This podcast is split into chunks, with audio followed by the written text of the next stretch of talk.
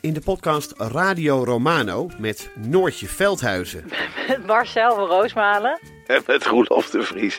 brengen we alle drie elke week een zogenaamde signalering mee. Wat heb jij nou weer bij je? En aan het eind bepalen we wie de winnaar van de week is. Echt een angstcultuur Lege huls die je er bent? Ja, dat gaat eigenlijk altijd onvriendelijk. Luister nu naar Radio Romano bij Podimo. Via podimo.nl slash Radio Romano luister je 30 dagen gratis. Liegen over een mondkapjesdeal die je hebt gesloten met de overheid. Een deal waarmee je miljoenen hebt verdiend. Dat doet toch alleen Siewert van Liende? Nou, nee. Ik ben Felicia Alberding en in de Mondkapjesmiljonairs duik ik met een team van correspondenten in andere schandalen. Want wist je dat Siewert helemaal niet uniek is? Luister de Mondkapjesmiljonairs in je Podimo-app. Of ga naar podimo.nl slash mondkapjes. En probeer Podimo 30 dagen. podimo.nl slash mondkapjes. Peilingen zeggen mij niks zover voor de verkiezingen. En die zijn vooralsnog pas in maart volgend jaar. Nou, dat is een eeuwigheidsver weg. Dit is Betrouwbare Bronnen met Jaap Jansen.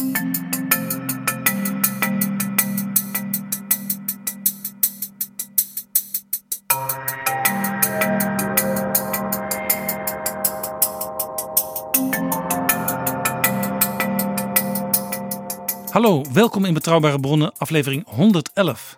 En welkom ook PG. Dag Jaap. PG, we hebben al een aantal keren aandacht besteed aan de val van de muur, 30 jaar geleden, en alles wat daaraan vast zat. En daar wil je het nu ook voor een gedeelte over hebben.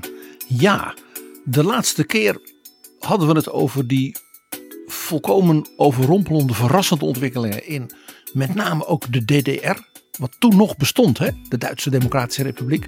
Waar toen voor het eerst vrije verkiezingen waren. En de partij van Helmut Kohl, van de Duitse bondskanselier, hè, met zijn CDU, toen zo enorm die verkiezingen won. En dat betekende voor de Duitse regering en ook vooral de persoon Helmut Kohl zelf ineens een enorme opening.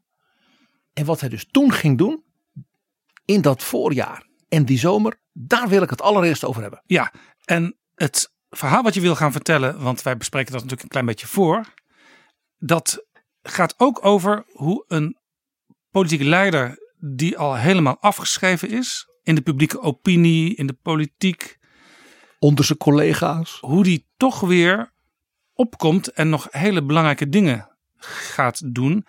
En na Kool in die tijd, waar je zo over begint, heb je ook nog een aantal andere voorbeelden uit de politieke geschiedenis. Ja, er zijn een aantal heel opmerkelijke voorbeelden van wat ik maar noem een soort tweede jeugd.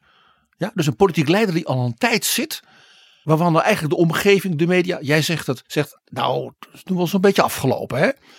En dan gebeurt er iets, wordt een grote crisis. Nou, zo'n val van de muur, niemand wist dat dat zo eh, zou ingrijpen. En dan komt zo iemand ineens helemaal terug. Daar gaan we het over hebben. PG, ik ben benieuwd.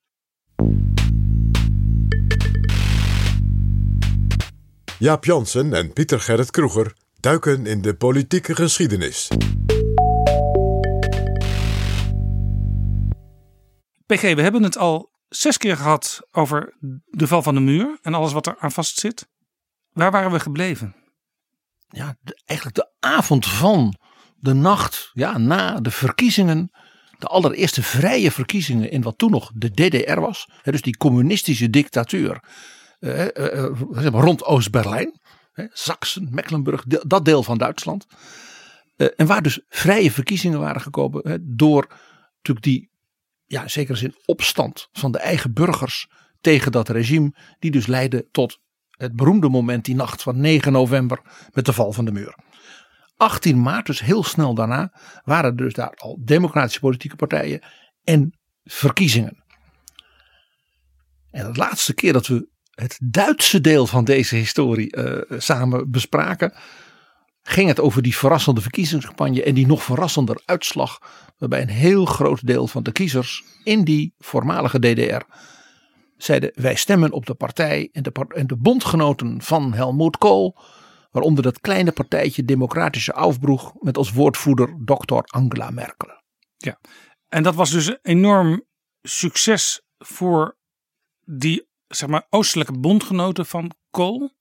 En dat beloofde ook iets voor de verkiezingen die op een gegeven moment zouden plaatsvinden over de hele nieuwe bondsrepubliek. Ja, zodra er dan zoiets zou zijn als een Wiedervereinigung. Dat was allemaal toen nog ja, eh, vrij vaag ja, in de toekomst. Dan zou er natuurlijk ook een verkiezing moeten komen voor dat hele nieuwe gezamenlijke Duitsland.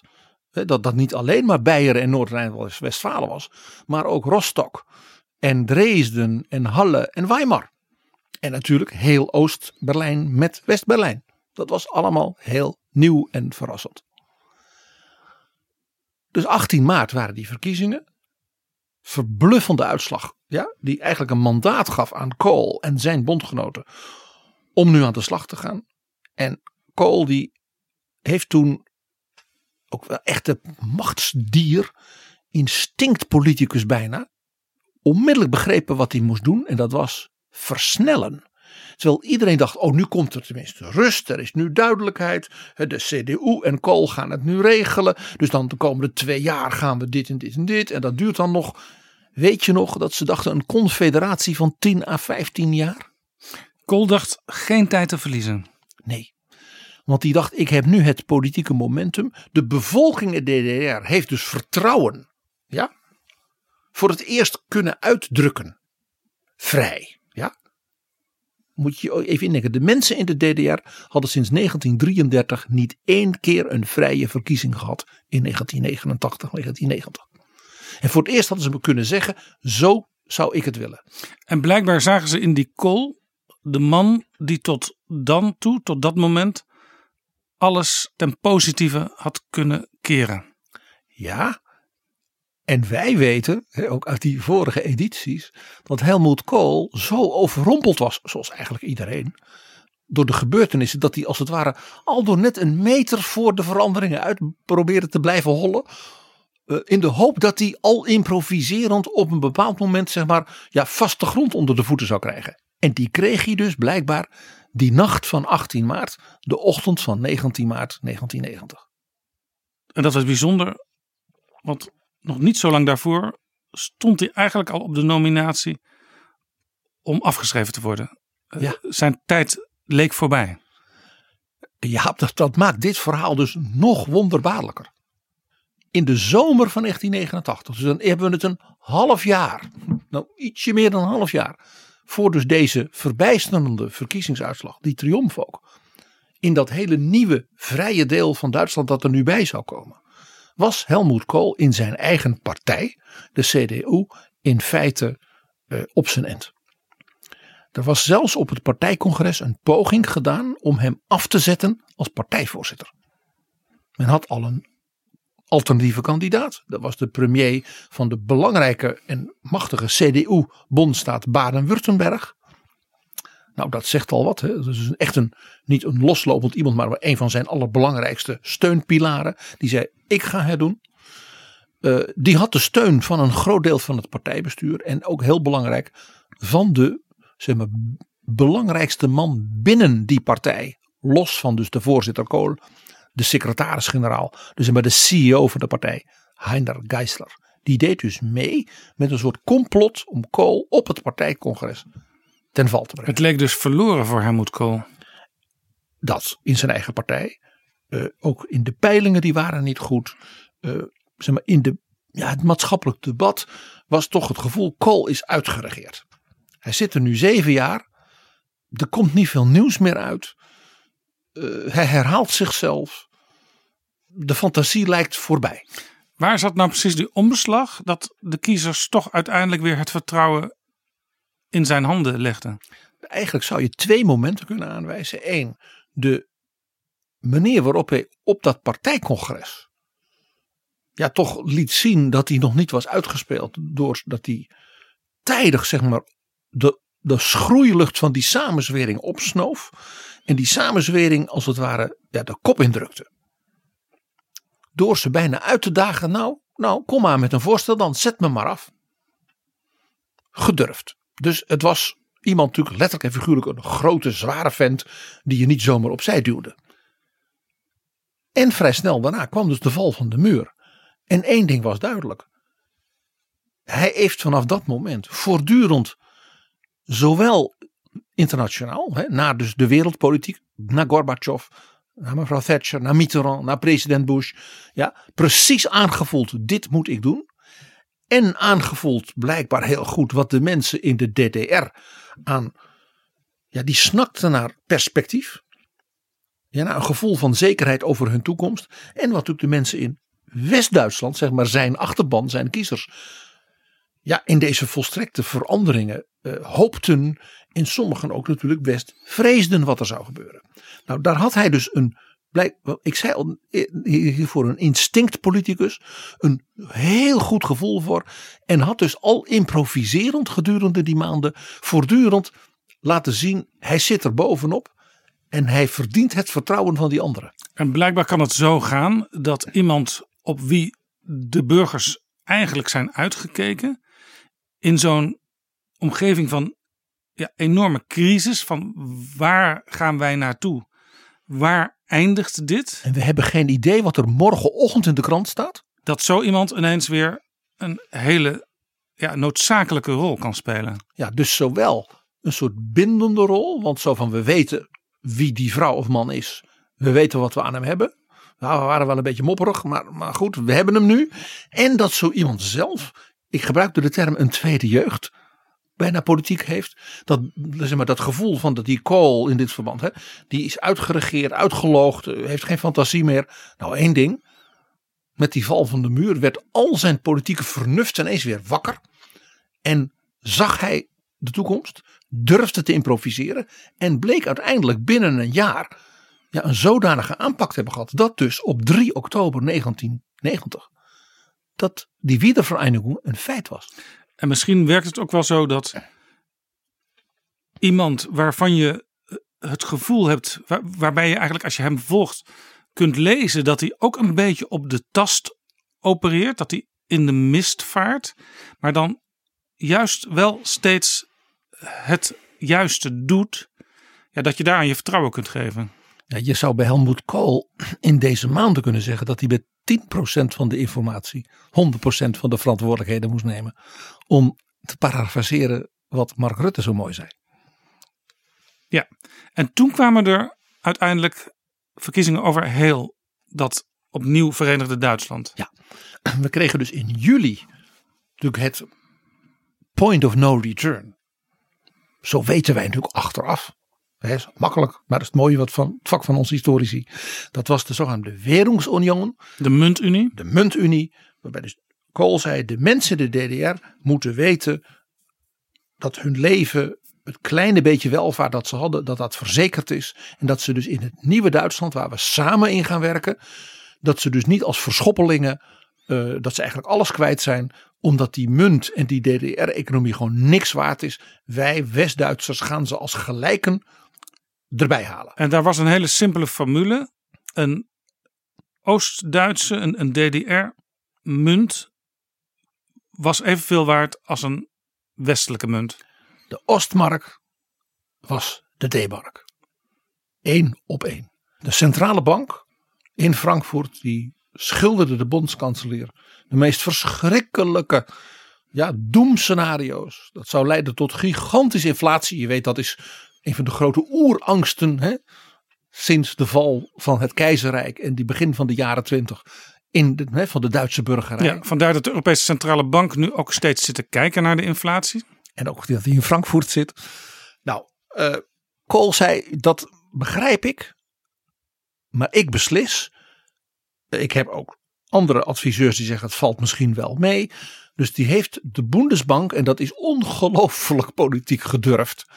Uh, dus gewoon gezegd: ik ga uw advies niet volgen. Hoe was de, de officiële koersverhouding tussen de Oostmark en de D-mark?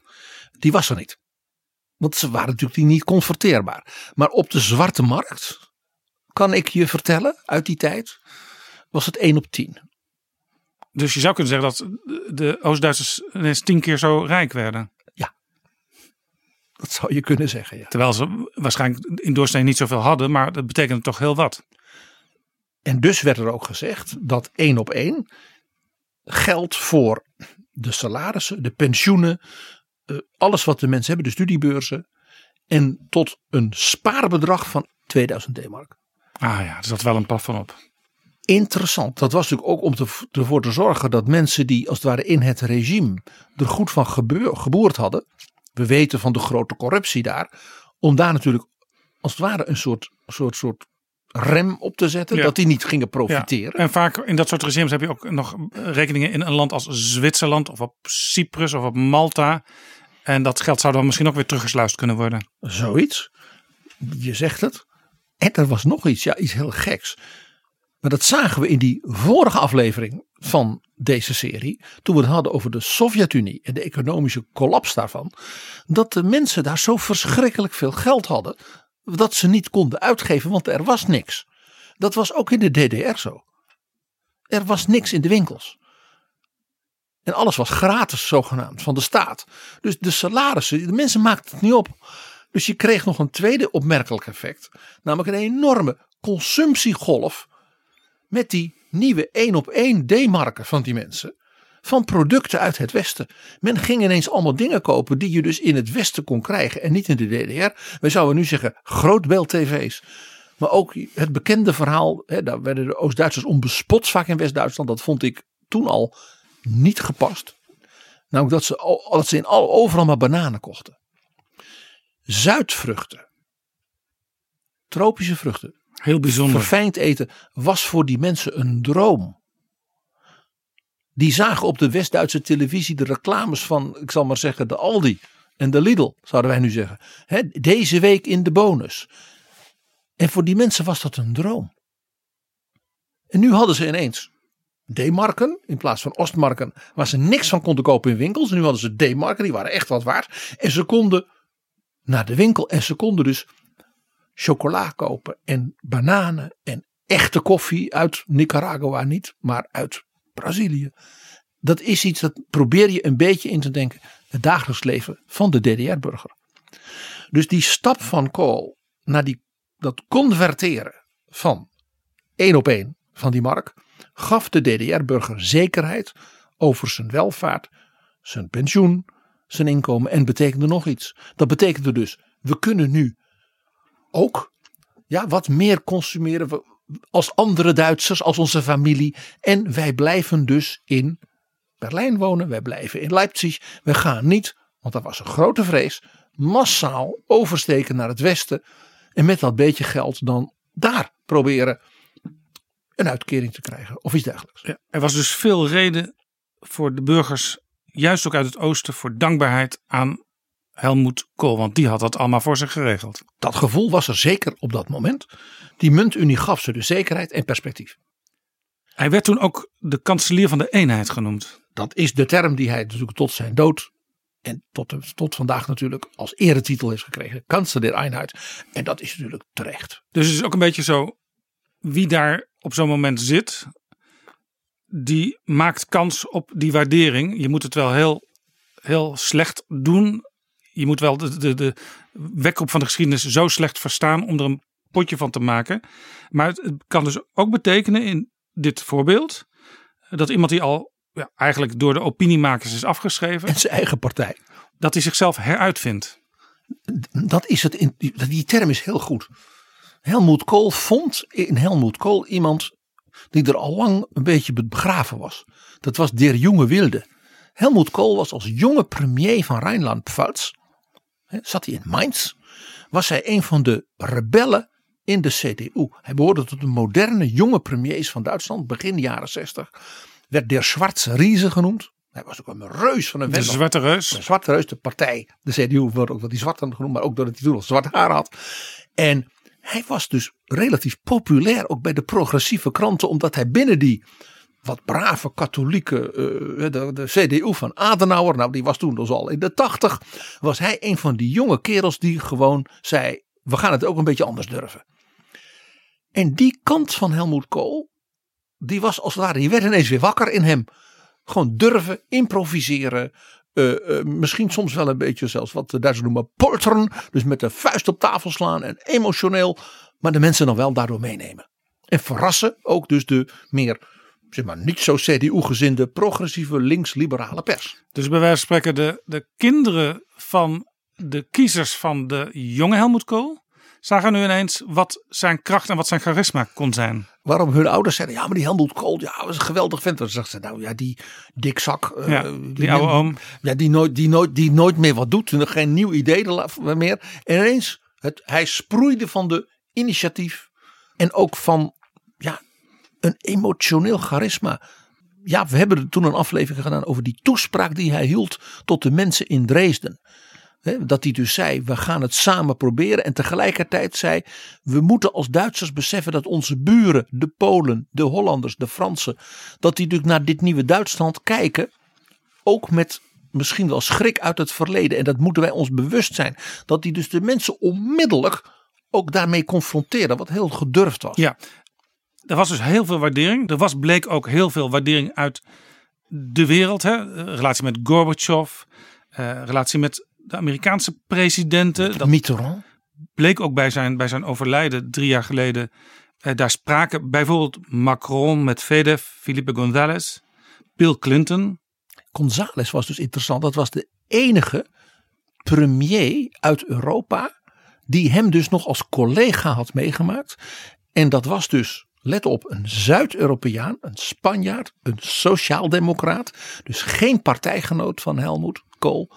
Maar die dus namens de oud-collega's van dus alle politieke families hun vriend en ook wel ja, de bewonderde voorbeeld Helmut Kool van politieke moed dus daar ja, vaarwel zei. En dat was zeer indrukwekkend.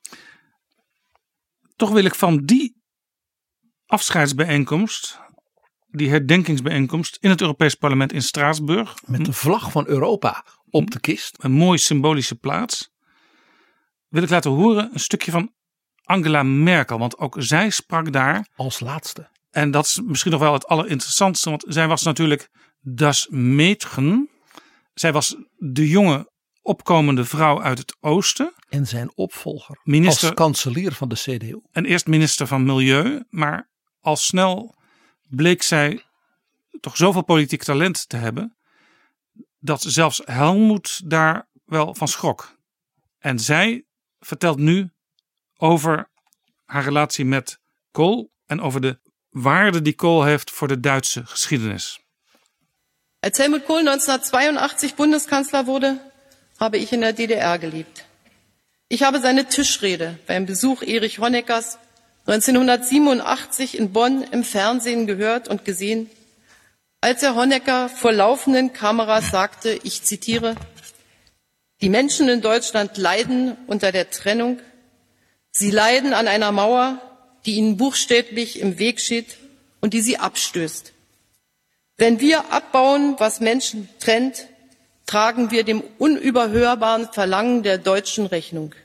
Sie wollen zueinander kommen können, weil sie zusammengehören. Ohne Helmut Kohl wäre das Leben von Millionen Menschen, die bis 1990 hinter der Mauer lebten, völlig anders verlaufen. Natürlich auch meines. Lieber Bundeskanzler Helmut Kohl, dass ich hier stehe, daran haben Sie entscheidenden Anteil. Danke für die Chancen, die Sie mir gegeben haben. Dat was Angela Merkel drie jaar geleden bij de herdenking van de toen net overleden Helmut Kohl. En je hoort hier Merkel natuurlijk de bondskanselier. Die spreekt namens Duitsland. Maar je hoort nog iemand. Je hoort de jonge academica Angela Merkel, Angela Kasner. Uit Oost-Duitsland. De dochter van een West-Duitse dominee. Die dus voelde en besefte misschien op dat moment wel meer dan ooit. Wat zij als jonge vrouw aan vrijheid te danken had aan Helmut Kohl. Ik weet van een van de daar aanwezigen in die zaal, die mevrouw Merkel goed kent, dat die zei: Ik heb haar heel veel gesproken. Ik heb haar nog nooit zo diep persoonlijk geroerd gezien en horen spreken als op dat moment. Ben je enthousiast? Vertel dan ook je vrienden dat ze zich kosteloos kunnen abonneren. Betrouwbare bronnen verschijnt dan elke week ook in hun luisterlijst. PG, we gaan straks naar Nederland, maar eerst naar de Verenigde Staten. Ja, want eh, ja, van zo'n geschiedenis als Van Kool volkomen afgeschreven zijn. En dan een tweede jeugd met allure. Ja? En als het ware het beste wat in zo iemand zit, wordt ineens wakker weer. Daar is een heel mooi voorbeeld van. En dat is op dit moment. Aan het begin van de ongetwijfeld epische verkiezingscampagne die we nu gaan krijgen voor het presidentschap ook zo mooi getimed. Nou, je hebt het over politici die afgeschreven lijken. Daar zijn er eigenlijk op het moment in de Verenigde Staten twee van. De ene heet Donald Trump, die is president. En de andere heet Joe Biden, die is presidentskandidaat van de tegenpartij. En die was ook afgeschreven in zijn eigen partij. Ja, en we weten ook niet precies waar zij eindigen dit jaar bij de verkiezingen. En ik heb dus een heel bijzonder voorbeeld in die zin, inclusief die tweede jeugd. Uh, en dat is de verkiezingscampagne voor het presidentschap in de zomer van 1948. Dat is een interessant moment, want we hebben het natuurlijk enkele afleveringen geleden gehad over Franklin Delano Roosevelt. Die werd voor de vierde termijn president van Amerika. Maar toen stierf hij. En toen werd hij opgevolgd door Harry Truman. En dat was een maand of drie na zeg maar, de inauguratie van FDR, hè, Roosevelt, en zijn vicepresident Harry Truman. Ja, je zou kunnen zeggen op een, ook voor Truman, volstrekt onverwacht moment. Het was een schok. Niet alleen voor heel Amerika en voor de wereld, maar voor Harry Truman ook. Hè, wat hij toen tegen zijn vrienden zei. Het is of de maan, alle planeten en sterren tegelijkertijd op mijn hoofd vielen. Prachtige uitdrukking. Hij was volstrekt niet voorbereid. Uh, Roosevelt had hem niets verteld. Ik heb geloof ik toen ook verteld dat generaals hem twee dagen na zijn aantreden als president moesten vertellen dat er zoiets was als een atoombom. En dat hij moest beslissen of ze hem konden gaan proberen in de woestijn in New Mexico. Zo onvoorbereid. En ook de Democratische Partij wist niet of ze met deze Harry Truman wel volgende verkiezingen wilden ingaan. Verkiezingen die dus pas over drie, drie kwart jaar zouden komen. Want Roosevelt stierf drie maanden na zijn inauguratie. Hij was natuurlijk al stervende eigenlijk het hele jaar daarvoor geweest. Ja, maar dat werd een beetje verborgen gehouden. En nog erger. In 1946 waren er natuurlijk tussentijdse verkiezingen, zoals altijd in Amerika, elke twee jaar. Die waren een fiasco voor de Democrats. Want ja, na die oorlog, die soldaten kwamen allemaal terug. De vakbonden wilden nu, na al die jaren loonmatiging, ach ja, je kent, herkent het. Die wilden natuurlijk uh, salarisverhoging. En tegelijkertijd zei president Truman, ja maar die jongens die nou terugkomen moeten wel een baan hebben. Dus we moeten wel een plek. Dus er ontstonden grote spanningen op de arbeidsmarkt. Enorme stakingen in Amerika. Iets waar wij in deze tijd bijna niet meer bij. De spoorwegen, de kolenmijnen, de staal.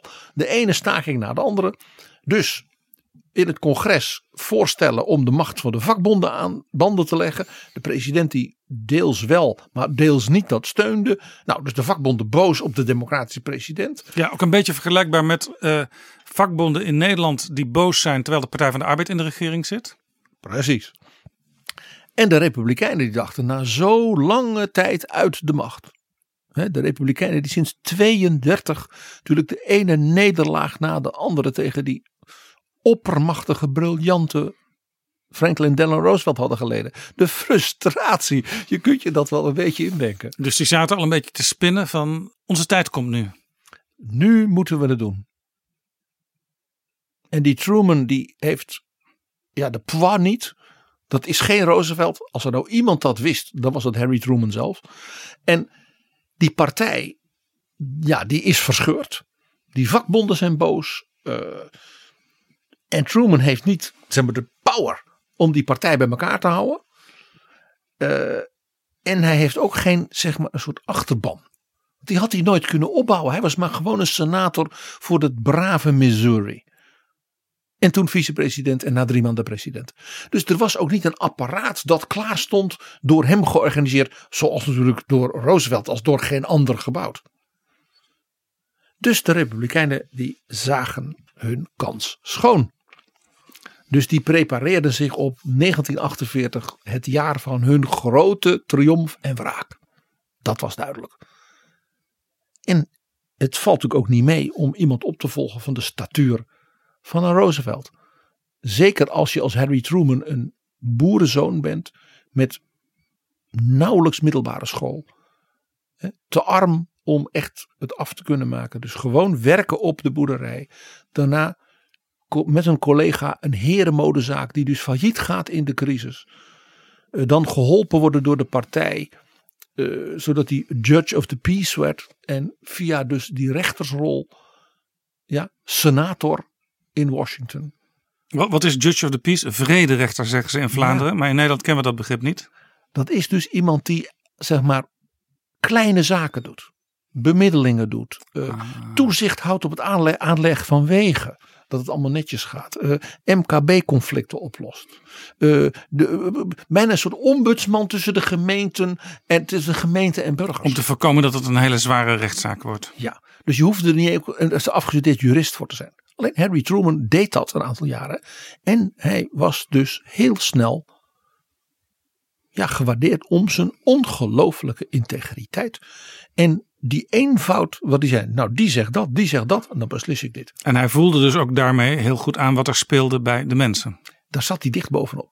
En die integriteit uh, en die eenvoud in zijn beslissingen. Dat is iets wat zijn hele leven ook zijn politiek heeft gekenmerkt. Soms wel een beetje niet heel subtiel. Daarin dus totaal anders dan Roosevelt, die dat wist. Ja.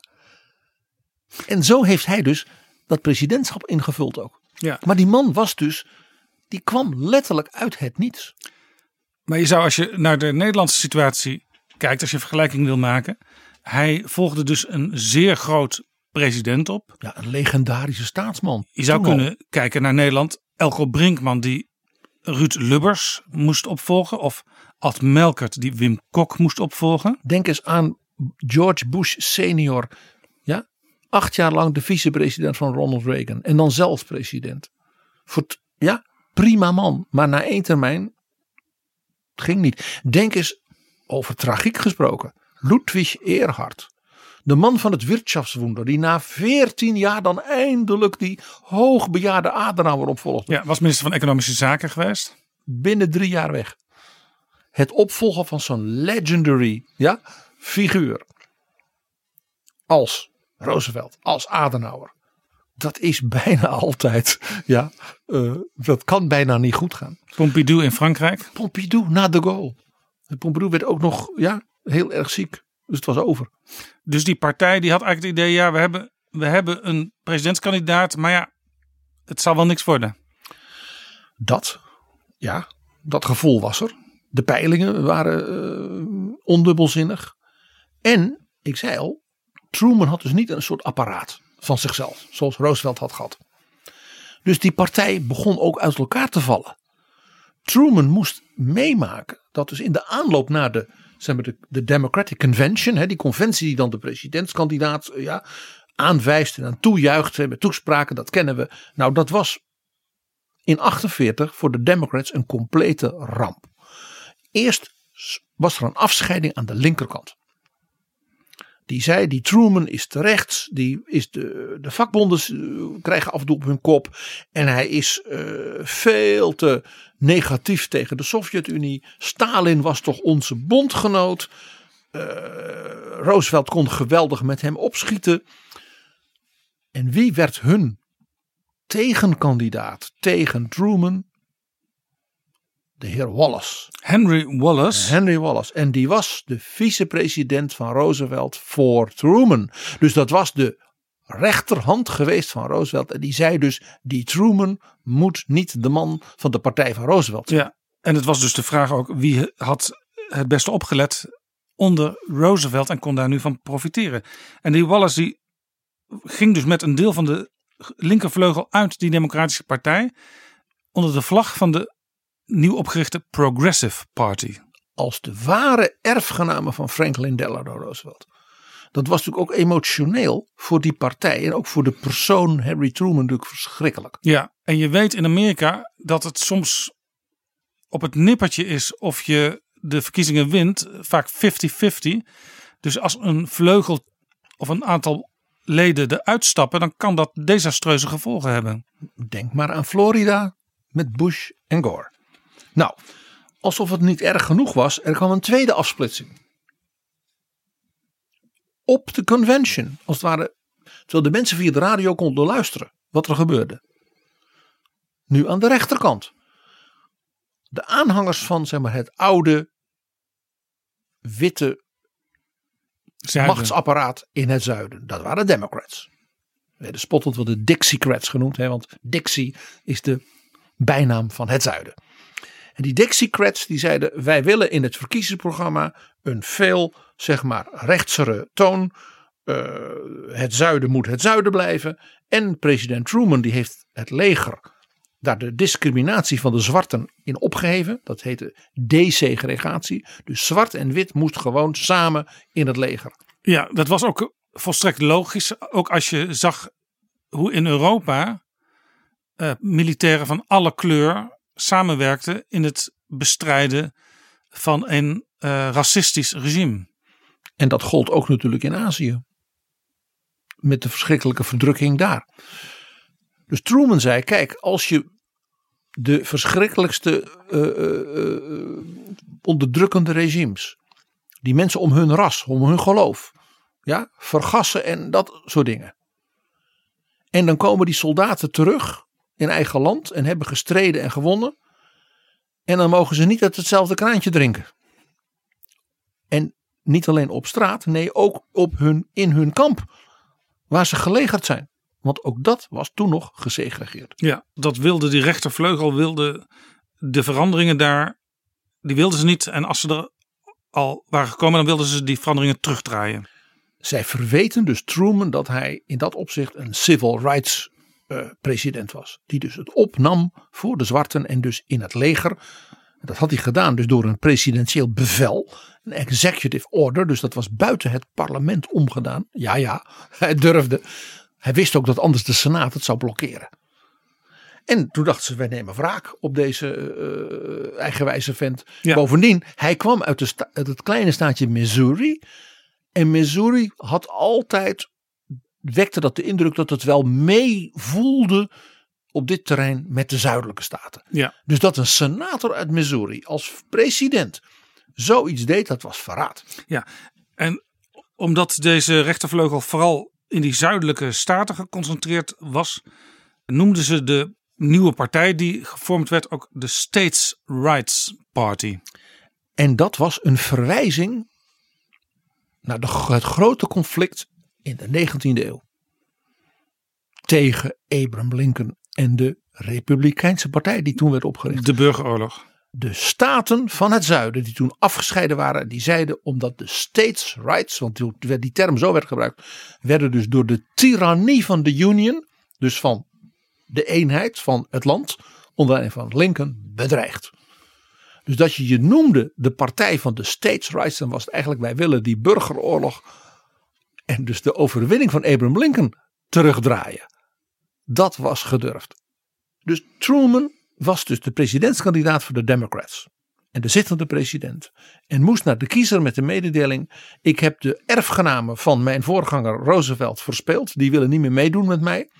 En ik heb de, de powerbase van mijn partij in het zuiden. De segregationistische senatoren en gouverneurs heb ik overspeeld. Die willen ook niet meer meedoen. Nou, begin zo dan je campagne maar eens. En nog even, want je noemde Henry Wallace als de progressieve afsplitser. Wie was nou de leider van die rechtervleugel? Hun presidentskandidaat was Strom Thurmond. En dat is een naam die we ook veel later nog zijn tegengekomen in de Amerikaanse politieke Dat geschiedenis. is een van de langst zittende, belangrijke, invloedrijke politici uit de hele Amerikaanse geschiedenis. In 1948 was hij de gouverneur van de staat South Carolina. Ook dat is weer zwaar uh, symbolisch. Waar brak die burgeroorlog over states' rights en het behoud van de slavernij uit? In South Carolina, in Charleston. Dus dat je de gouverneur van dat staatje dat als eerste afscheiden, de presidentskandidaat maakt, nou je kunt het niet nadrukkelijker maken. En Strom Thurmond was een, hoe zal ik dat nou zeggen, kleurrijke persoonlijkheid. Die is nadat hij gouverneur was, senator geworden. Natuurlijk voor de Democrats. He, zij was weer teruggekeerd op het oude nest. En bleef dat, en bleef dat, en bleef dat, en bleef dat. En is in 1964 uit verzet tegen LBJ, Lyndon Baines Johnson en zijn enorme ja, wetgeving op het gebied van de gelijke rechten, de voting rights. We hebben het een tijdje geleden over zijn historische speech ja, in 1965 na de knokpartijen op de brug in Selma. We Alabama. shall overcome. Toen was Strom, Strom Thurmond net uit de Democratische Partij van Johnson gestapt en was republikein geworden. De man die dus states rights kandidaat was tegen Lincoln was nu van de partij van Lincoln. En die is nog, ik weet niet, volgens mij is hij de langst zittende senator ongeveer uit de Amerikaanse geschiedenis. Bijna 50 jaar. Hij was zo gaga als maar kon. En in de 90, maar hij was er nog. En hij werd ook gewoon herkozen. Ja, ik weet ook altijd als er dan lange stemmingen waren die cruciaal waren in de Verenigde Staten. Uh, dan zag je altijd ook Strom Thurmond letterlijk strompelen om zijn stem uit te brengen. Maar hij was er. Dat was dus de situatie van Harry Truman. De linkervleugel was weg, de rechtervleugel was ook afgescheiden. Het kon niet slechter, hè? En hij was van de Democraten.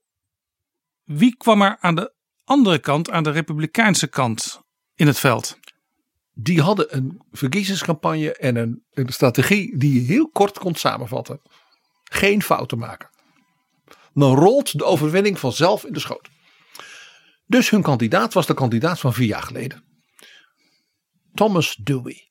Thomas Dewey was de gouverneur van New York. Dat betekende dat dus de staat met de meeste kiesmannen, die had je al in de pocket. Dus dat was de eerste tik voor de overwinning, was al binnen.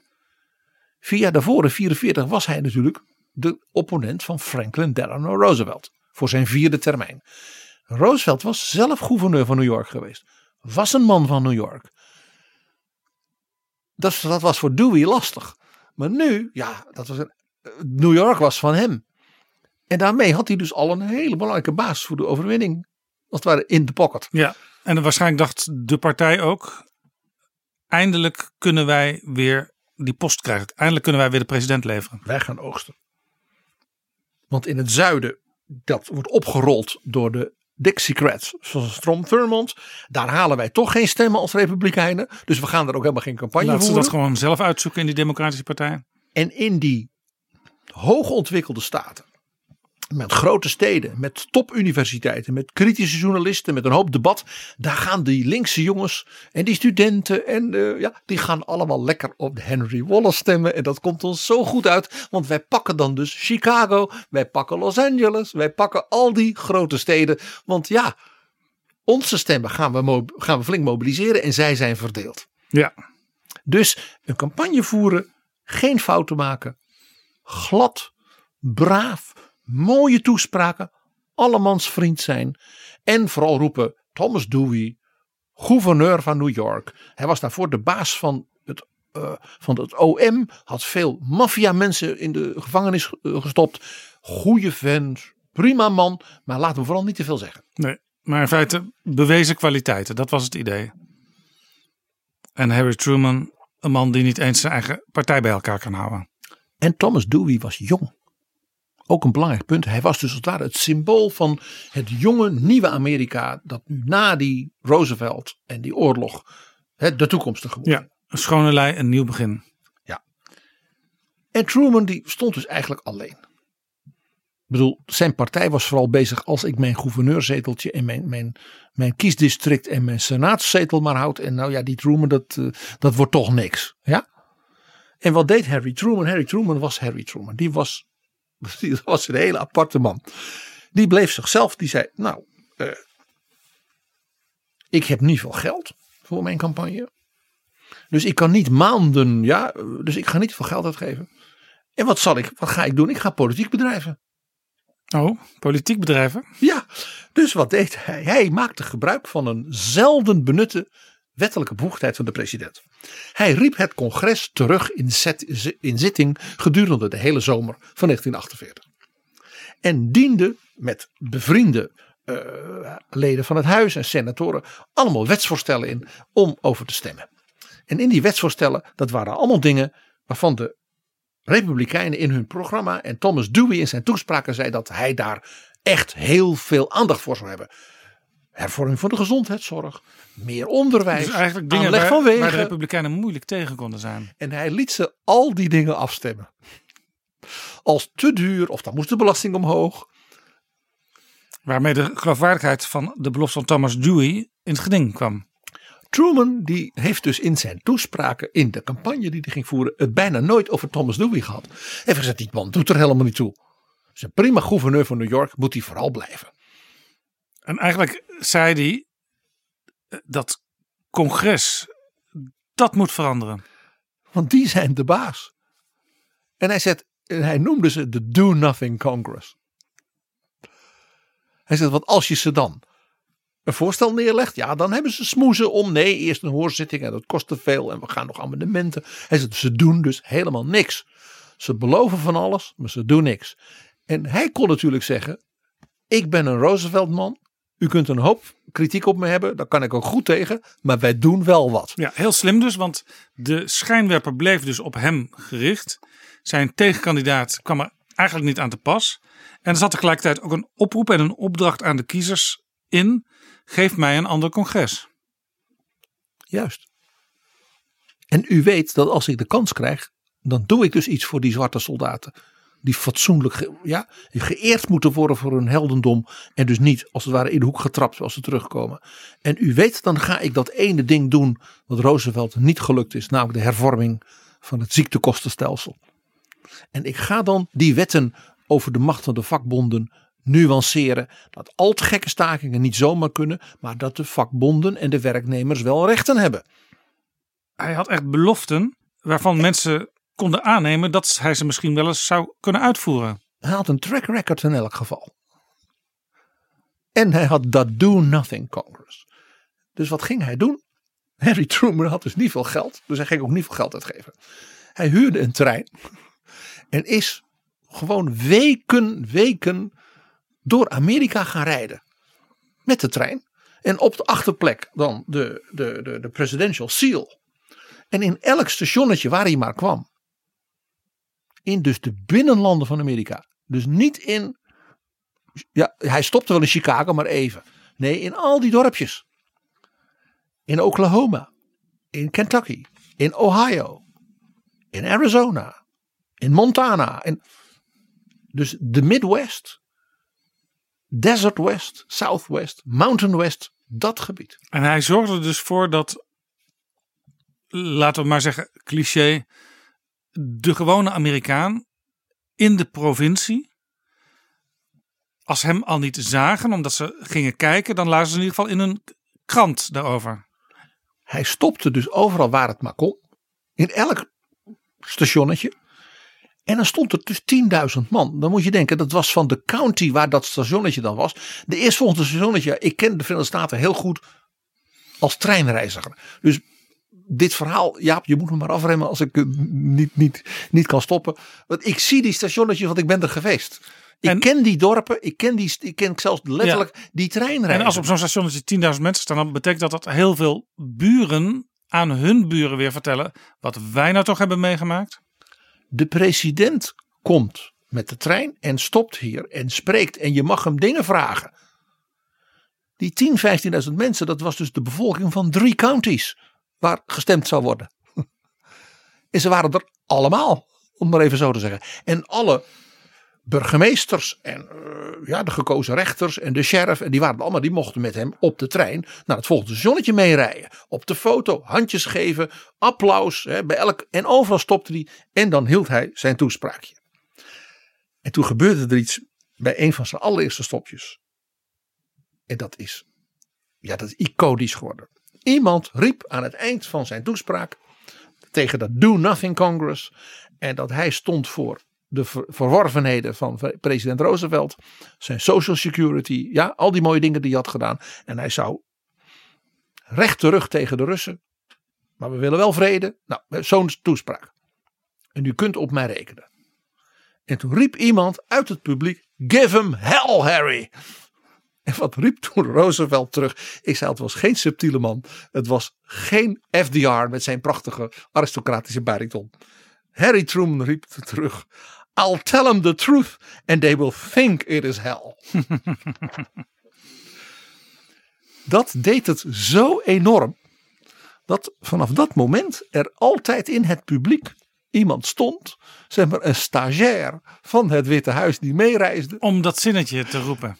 En die riep dan aan het eind, give him hell Harry. En, dan, en dat werd dus een vast ding bij ongeveer elke stop. En het publiek via de kranten en de radio verwachtte natuurlijk dat moment. En dan kreeg hij dus een gejuich bij het wegrijden. Dus op een van bepaald moment was de hulp van zo'n stagiair helemaal niet meer nodig. Dat, dat riep als het ware het halve publiek.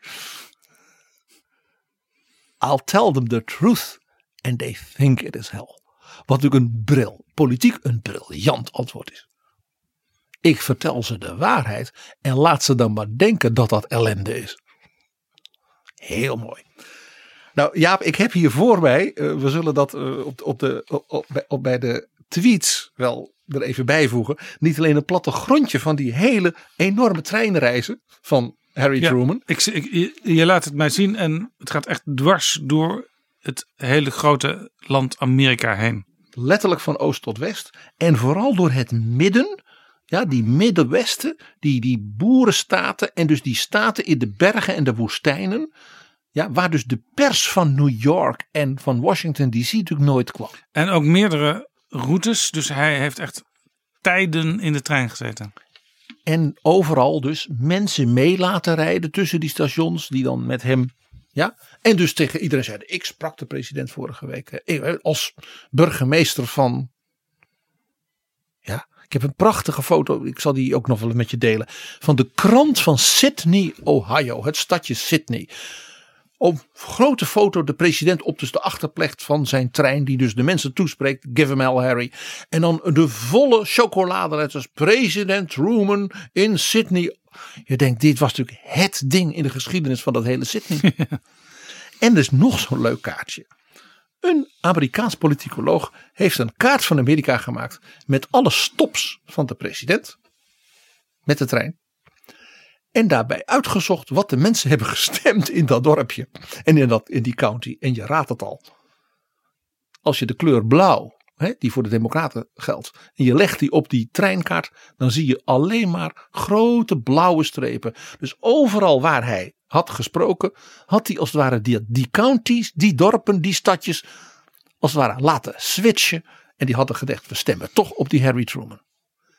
Ja, En dat zijn- was onzichtbaar dus bijna voor zeg maar de professionele media in New York, in California, in Los Angeles, in Chicago en in vooral Washington DC. Daar zat men natuurlijk de partijprogramma's te analyseren, discussies te voeren, eh, ja, nog geen podcast te maken, maar ik zal het maar zeggen. Nee, er was ook, er was ook, de televisie was al wel uitgevonden, maar was nog niet breed. Hè? Nee, er was nog geen echte televisie. En kranten, dat is vaak ook een misverstand in de elites en in de steden.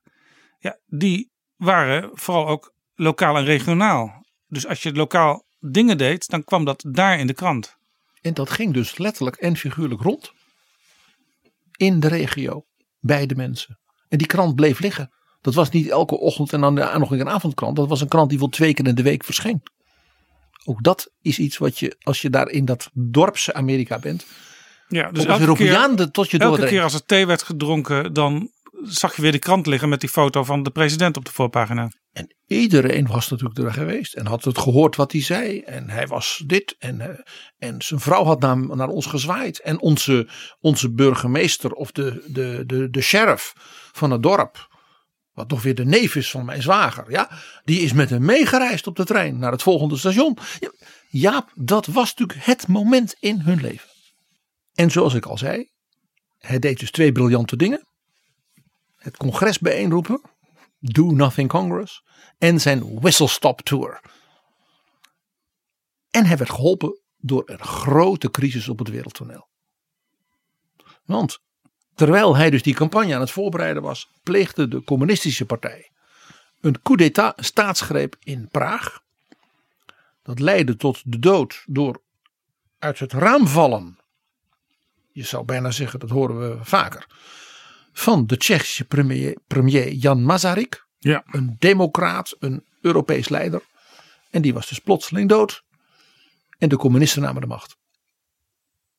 En meteen daarna gebeurde er nog iets dat echt wereldnieuws was en niet een beetje. Dat bleef heel 1948 wereldnieuws. Stalin liet West-Berlijn blokkeren. Niemand mocht er meer in, meer uit. Ook de Amerikanen dus niet. Met hun soldaten en hun troepen daar. En dat leidde tot de beroemde airlift van met name ook een Amerikaanse luchtmacht om Berlijn te bevoorraden. Dat kon natuurlijk alleen als de president dat besloot en niet door de knieën ging tegenover Stalin. En je begrijpt, hiermee werd de positie van Truman als leider en als garant van de vrijheid van het Westen ineens kreeg een enorme spotlight. Hij kon meteen, wat natuurlijk FDR ook heel erg van pas was gekomen, electoraal, hij kon meteen een wereldleider zijn.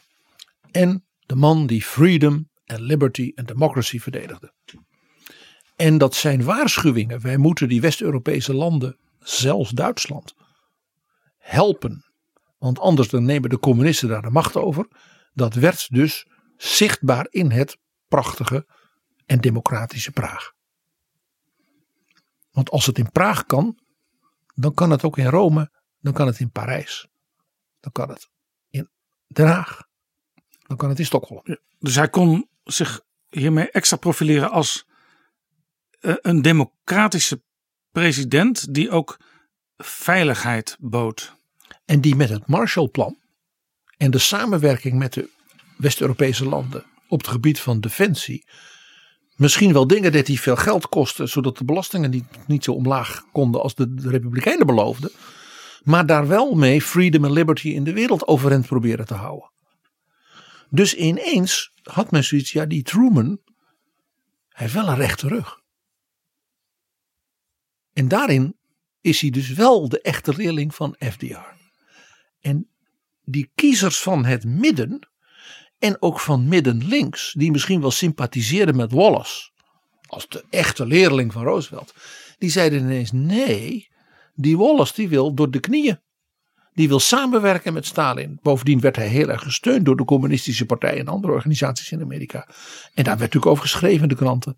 Dus Wallace werd ineens niet meer zo interessant en aantrekkelijk voor gematigde kiezers. Ja, en de, de kiezers van Strom Thurmond, daarvan kan ik me voorstellen dat die dachten, ja, er zijn op dit moment in de wereld wel belangrijker dingen dan al die zaken waar Thurmond voor pleit. Het waren vooral dus de kiezers van het zeg maar, klassieke midden rond de Democratische Partij. In de suburbs, in de steden en in het zuiden, waar ze natuurlijk de dominante partij altijd waren geweest. En de elite allemaal democraten waren. En die zoiets hadden, ja, die afscheiding. Ja, is dat nou toch wel zo'n goed idee? Dus zowel aan die linkervleugel, de mensen die zich aangetrokken voelden tot Wallace, als zeg maar, middenrechts in met name ook het zuiden. En de jongere kiezers in de suburbs en de steden. Die begonnen ineens op een nieuwe manier naar Harry Truman te kijken. Dit was natuurlijk niet door hem gepland met zijn whistle stop tour. Dat gebeurde wel. Hij werd geholpen door het lot van de wereldgeschiedenis. En zo'n grote crisis die dus Amerika bepaalde voor de vraag wat voor land zijn wij nu in de wereld? Nu na die grote overwinning op Japan en Nazi-Duitsland. Wat is nu onze taak in de wereld? Wat was het effect hiermee? Die scheuring en dus die crisis in de Democratische Partij, die werd ineens bijna opgeheven. Die was er nog wel, maar dat was marges. Dat was niet meer volledig verscheurd. En de Republikeinse Partij en Thomas Dewey werden volkomen op het verkeerde been gezet hierdoor. De kiezers uit de vakbonden en de, zeg maar, de klassieke achterband van de Democratische Partij in de steden en dergelijke. Die kon hij mobiliseren tegen niet Dewey, maar tegen de partij, de Republikeinen en het congres. De Do Nothing Congress, dat was vooral voor hen een gevaar. En Dewey, die bleef maar doen wat zijn adviseurs zeiden zeggende verhalen houden. Mooie patriotische dingen. Amerika is the greatest nation. En we gaan het goed doen. En we doen het samen. En, maar de mensen zeiden ja, maar Berlijn dan? Amerika moet waakzaam zijn. Ja, maar, maar wat gaat u dan doen? En, en, en u wilt de belastingen verlagen, maar misschien moeten we wel uh, extra troepen naar Berlijn. Nou, kortom, de vragen die natuurlijk opgeroepen werden, ook door Truman zelf, met zijn campagne, die werden dus niet beantwoord. En hier speelde eigenlijk hetzelfde wat in dat verhaal over Helmut Kohl speelde. In een crisis kun je als ervaren leider laten zien dat je ook volstrekt onverwachte uitdagingen aan kunt. Als je dus nog de frisheid hebt en de fantasie en de, ja, de lef om dan met 10% van de informatie 100% van de verantwoordelijkheid te nemen. En Dewey deed dat dus niet. Die, die dook. En dat congres, dat liet Truman heel pijnlijk zien. Dat dook ook. En die kiezers, om te beginnen dus die vakbondskiezers. En die kiezers die Truman dus zelf zagen optreden in die dorpjes, in het Middenwesten, in Mountain West, Desert West en in die steden, al die plaatsjes. Die zagen die president die zeggen, ja maar daar staat wel iemand die staat voor zijn zaak. Een hoop kritiek op hem. En het is geen FDR, maar ja, wie is er FDR? dit is de beste die we hebben. En er gebeurde nog iets. De zwarte kiezers buiten het zuiden. Want in het zuiden konden ze natuurlijk helemaal niet stemmen. Hmm. Gewoon eerlijk zijn. Ja.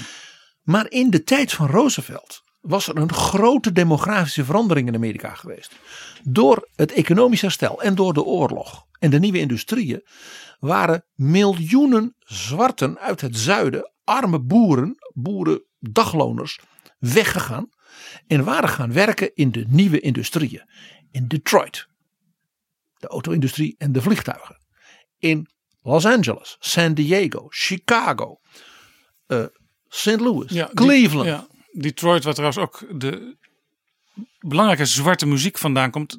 De Motown Sound. Motortown staat dat voor. Exact. Dus de zwarte kiezers daar. En die konden daar wel stemmen. Dat was niet zoals in het zuiden. En die waren georganiseerd in de kerken, in organisaties, met de vakbonden en dergelijke. De zondagsscholen, heel belangrijk.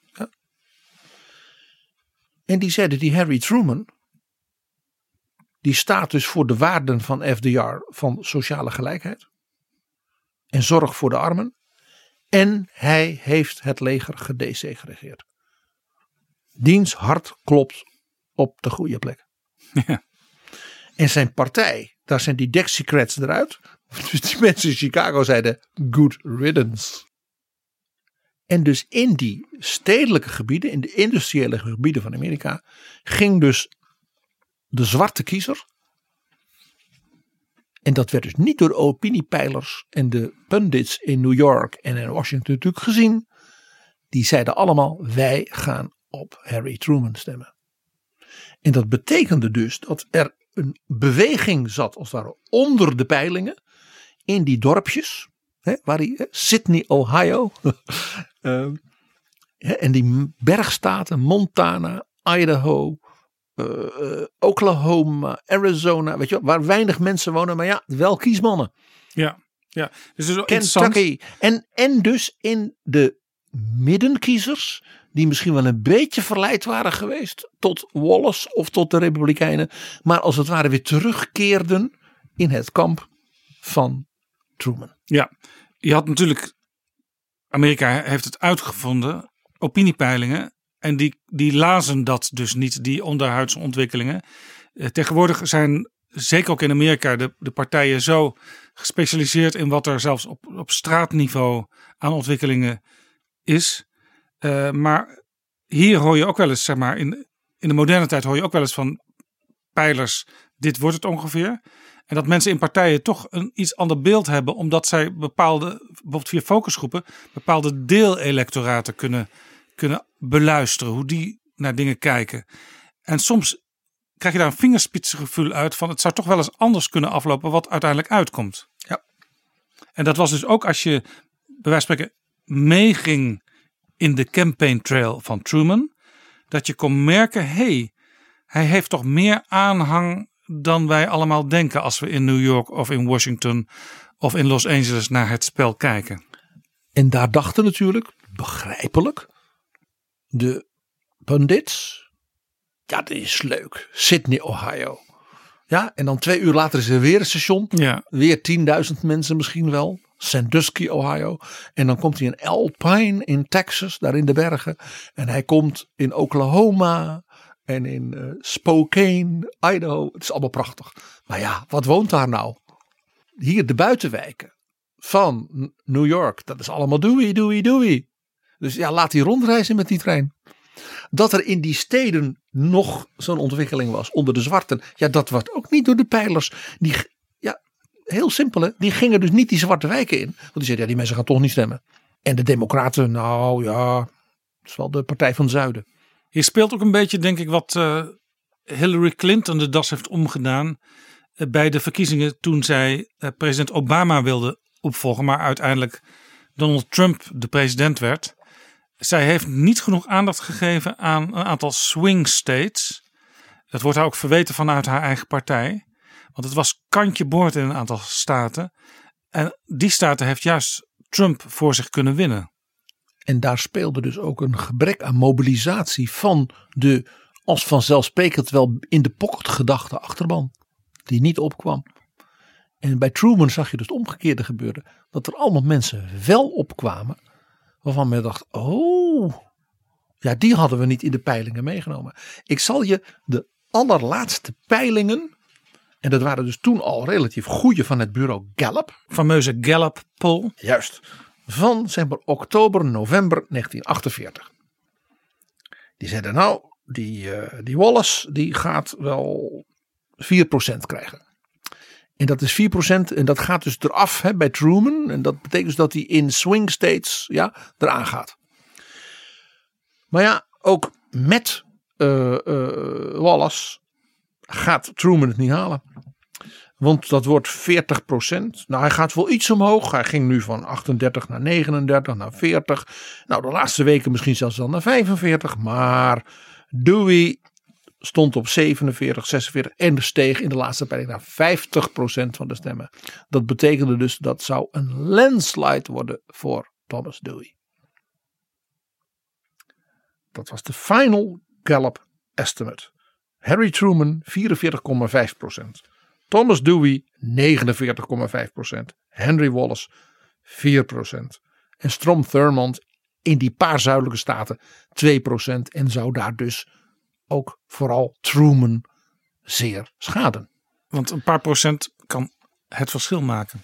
Dus ja, het was bekeken voor Harry Truman. Hè? Dat was duidelijk. Wisten wij hoe Harry Truman op dat moment eh, dacht over zijn kansen? Dat weten we. Hij was vol vertrouwen. En hij is. Ja, ja, sorry. Ik, ik, begin nu te lachen. Harry Truman was een hele aparte man. Weet je wat hij gedaan heeft die avond van de verkiezingen? Heeft de eerste uitslagen horen binnenkomen zeg maar, van tussen 11 en half 12. En is toen naar bed gegaan. Hij zei: Dan ben ik morgen weer fris en monter. Want Harry Truman stond graag een beetje vroeg op. Het was een boerenzoon. En dan deed hij zijn ochtendwandelingetje. Dan bracht hij de post naar, zelf naar, naar, het, naar de postbus. Dat deed hij ook als president. Dan liep hij het Witte Huis uit. Dat deed hij privé. Dan had zijn eigen postzegels. Hoefde de belastingbetaler niet te betalen. De brief naar zijn, naar zijn tante. De brief naar zijn dochter. Brief naar Ja, aanhangers. doe me een beetje denken aan Hans Wigel. Want die komt in principe niet in de late avond talkshows. Want hij zegt ik ga elke avond om tien voor half elf ter sponde. Zo zie je maar. En dit was op de verkiezingsavond. En, Dus, dus hij werd wakker. en toen was het duidelijk dat hij de verkiezingen gewonnen had. Maar hij kon op het verkeerde been gezet worden. Als hij de Chicago Tribune van die dag op de mat had aangetroffen. Ja, want die nacht. Heb nou even een beetje medelijden met de media van die, van die nacht. Die peilingen, die bleken niet te kloppen. Dat zeg ik maar netjes. Dus die cijfers komen binnen uit al die kiesdistricten. Waaronder dus hè, Sydney, Ohio. En al die dorpjes, ja, daar in het Mountain West. En daar gaat de zon pas wat later onder dan de kranten in New York en Washington en Chicago. Ja, wat je trouwens in deze moderne Dus tijd... dat duurt even met- voordat die met uitslagen er elektronische media nog steeds ziet. Hè, too close to call zie je dan de hele tijd op je scherm. Toen had je nog die exit polls nog niet zo als nu. Dus dat duurde even zeker daar uit dat verre westen.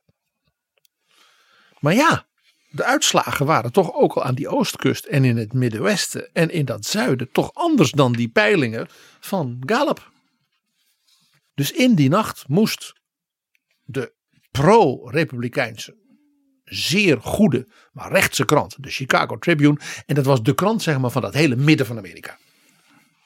Vanuit Chicago dus via de trein in dat hele midden lag die krant op de stoep. Ja, klopt. Ik ben eh, in die regio geweest en uh, zelfs ver van Chicago lag hij nog. En die moest dus beslissen, wat is de kop van morgenochtend? Nou, we hebben nog een kwartier. Er komen nog uitslagen, misschien uit Idaho die iets. Maar ja, het duurt. En toen heeft dus de hoofdredacteur en de politieke redacteur die zei: ja, ja, ja, ja, ja. Too close to call. Morgenochtend om half zeven op alle stations. Je moet wel een beetje de mensen een handvat geven.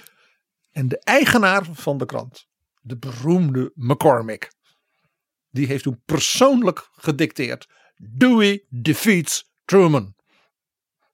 Waarom? Omdat hij dat wilde. En omdat hij dat zeker wist. En hij had daar geld voor gegeven. Zijn krant had al die tijd voor Dewey ge campagne gevoerd. En deze anekdote, uh, die kent eigenlijk iedereen die zich een beetje in de Amerikaanse politieke geschiedenis heeft verdiept. Want er is een fameuze foto van Harry Truman. Waarin hij in een soort triomfbeeld die krant boven zijn hoofd houdt. Hij houdt die, die kop, die chocoladeletters van de Chicago Tribune, die hem al die tijd zo dwars had gezeten voor zich. Maar waar was dat?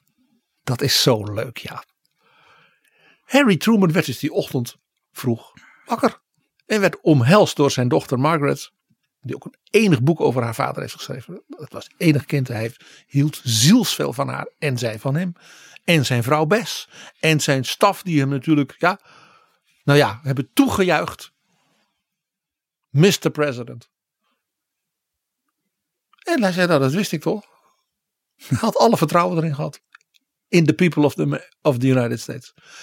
En toen zei hij, nou zullen we maar naar de trein gaan. Want dan gaan we maar terug naar Washington. Er is werk te doen. En hij stapt dus in Independence, Missouri waar, hij, waar ook de Harry Truman Library nu is, hè, dus waar hij gestemd had. En het eerstvolgende grote station was de stad St. Louis. En ook die hadden allemaal op gestemd. Hij had dus zijn eigen staat Missouri ook gewonnen. En daar lag dus McCormick's Chicago Tribune in stapels op het station. En die werd hem natuurlijk overhandigd. En het is, die foto is dus gemaakt terwijl hij op die achterplecht van die trein stond. Waarmee hij dus heel Amerika had rondgereisd. En op al die dorpjes de mensen had toegesproken. En daar is die foto gemaakt terwijl hij dus met een stralende lach hem in de lucht had. En daarmee was de cirkel eigenlijk van die campagne met de trein helemaal rond. Klein, letterlijk, letterlijk was de treinreis klaar. Klein Nederlands grapje hier nog bij. Eberhard van der Laan, de latere burgemeester van Amsterdam. Die was lijsttrekker van de Partij van de Arbeid in Amsterdam. Fractievoorzitter was hij ook geweest. En dat was in een tijd, ik weet even niet meer het jaar, maar dat D66 sterk opkwam. Je had toen nog de krant Het Nieuws van de Dag. Dat was zeg maar de lokale versie van de Telegraaf. Die hadden ook al op de verkiezingsavond. De, de, de, Amsterdam Tribune dus. De vroege druk op de verkiezingsavond. Het feestje van de Partij van de Arbeid, die zojuist gewonnen had, werd al gevierd. Krant verschijnt, grote kop. D66 verslaat Partij van de Arbeid. En hij kan dezelfde foto maken die hij natuurlijk uit de geschiedenisboekjes kende van Truman. Triomfantelijk de winnaar met de krant die het tegendeel als hoofdkop had. En we weten dat de Amsterdamse PvdA altijd al vindt dat zij hun overwinningen die van het hele land zijn. En dat ze die ook flink de tegenstander moeten invrijven. Jaap, ik heb het geloof ik al eens een keer verteld. Ik heb het grote genoegen gehad uh, als relatief jong iemand een keer te praten met een van de rechterhanden van Franklin Delano Roosevelt, professor Lincoln Gordon. Die had ook heel veel gedaan met Harry Truman. Truman maakte hem een van de directeuren. Ja, nou ja, hij was natuurlijk een enorme bewonderaar van FDR. Ja. En ook weet je nog dat hij zei, maar wat was het een schurk. Devious, Mr. Kruger. Devious. Harry Truman maakte de jonge Lincoln Gordon een van de directeuren voor de uitvoering van het Marshallplan.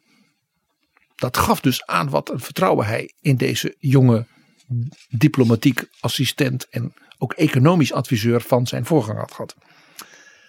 En die, hij zei tegen mij over Truman, ik lees nu even voor uit mijn eigen aantekeningen. Oh, Harry Truman, he was a wonderful man, quite a character. Gordon, Lincoln Gordon was natuurlijk een topintellectueel van Harvard enzovoort. Harry Truman had nauwelijks middelbare Was school. volks. Nauwelijks middelbare school. Was een autodidact. Had de hele bibliotheek van Kansas City helemaal leeggelezen. Zo had hij zich gevormd. En toen zei Lincoln Gordon, FDR I deeply admired, of course. I am in awe of him. Even today, in 1986. For me he will always be the president. But I loved Harry Truman.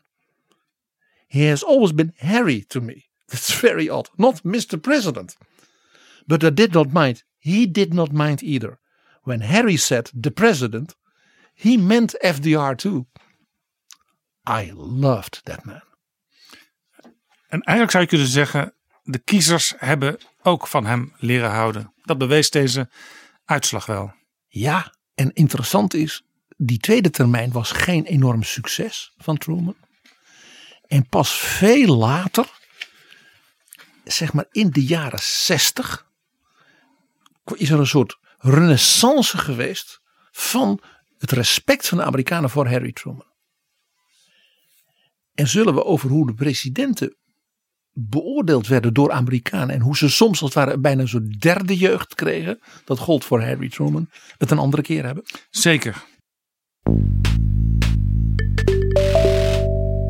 Dit is Betrouwbare Bronnen, een podcast met betrouwbare bronnen. PG, dat waren twee fascinerende verhalen. Eentje over Duitsland 30 jaar geleden. En eentje over de Verenigde Staten in 1948. Zullen we even iets dichter op het heden gaan zitten? Voorbeelden van toppolitici, leiders die eigenlijk al zijn afgeschreven, maar die toch weer een hele belangrijke rol spelen. Onverwacht. Door een crisis. Misschien wel een tweede jeugd. Zullen we dan weer even naar Duitsland gaan? PG, ik had niet anders verwacht. Ja. Ik ga nu twee Europese leiders even kort behandelen. Waarvan er één Angela Merkel is. En ik ga kijken, waar stonden zij nou ongeveer een jaar geleden, in 2019? En waar staan die leiders nu? En je raadt het al, ze waren in 2019 beide een beetje zoals Harry Truman voor de wisselstoptour en Helmut Kohl in zomer 1989, dus precies 30 jaar geleden. Afgeschreven. Angela Merkel, voorjaar 2019. Ze had het voorzitterschap van haar partij, de CDU, haar echte machtsbasis, opgegeven. En een opvolger als partijvoorzitter laten kiezen. AKK. Ja, daar heb je al eens een keer over gesproken dat dat wel een slimme manier was om het over te dragen. Maar we zijn inmiddels weer een hele poos verder. na deze toch wel bijzondere stap van, van Merkel leidde dat niet tot zeg maar een soort eenheidsgevoel, eh, gezamenlijkheid in de CDU. Integendeel, de partij bleef nogal stuurloos, kreeg een aantal zeer bittere nederlagen bij regionale verkiezingen. En in het, de deelstaat Turingen, zeg maar rond Weimar en Erfurt in het oosten ontstond zelfs een politieke ramp. Doordat er een coalitie ontstond per ongeluk, misschien niet per ongeluk, met de AFD en de FDP en de CDU. En toen ging het uiteindelijk, die werd meteen dezelfde dag weer opgeblazen. Eh, een politieke puinhoop. Dat was natuurlijk niet goed voor de CDU. En maakte natuurlijk de positie van Merkel eh, alleen maar nog zwakker. Dat leidde tot ertoe dat AGK, haar opvolger, aankondigde dat ze wegging.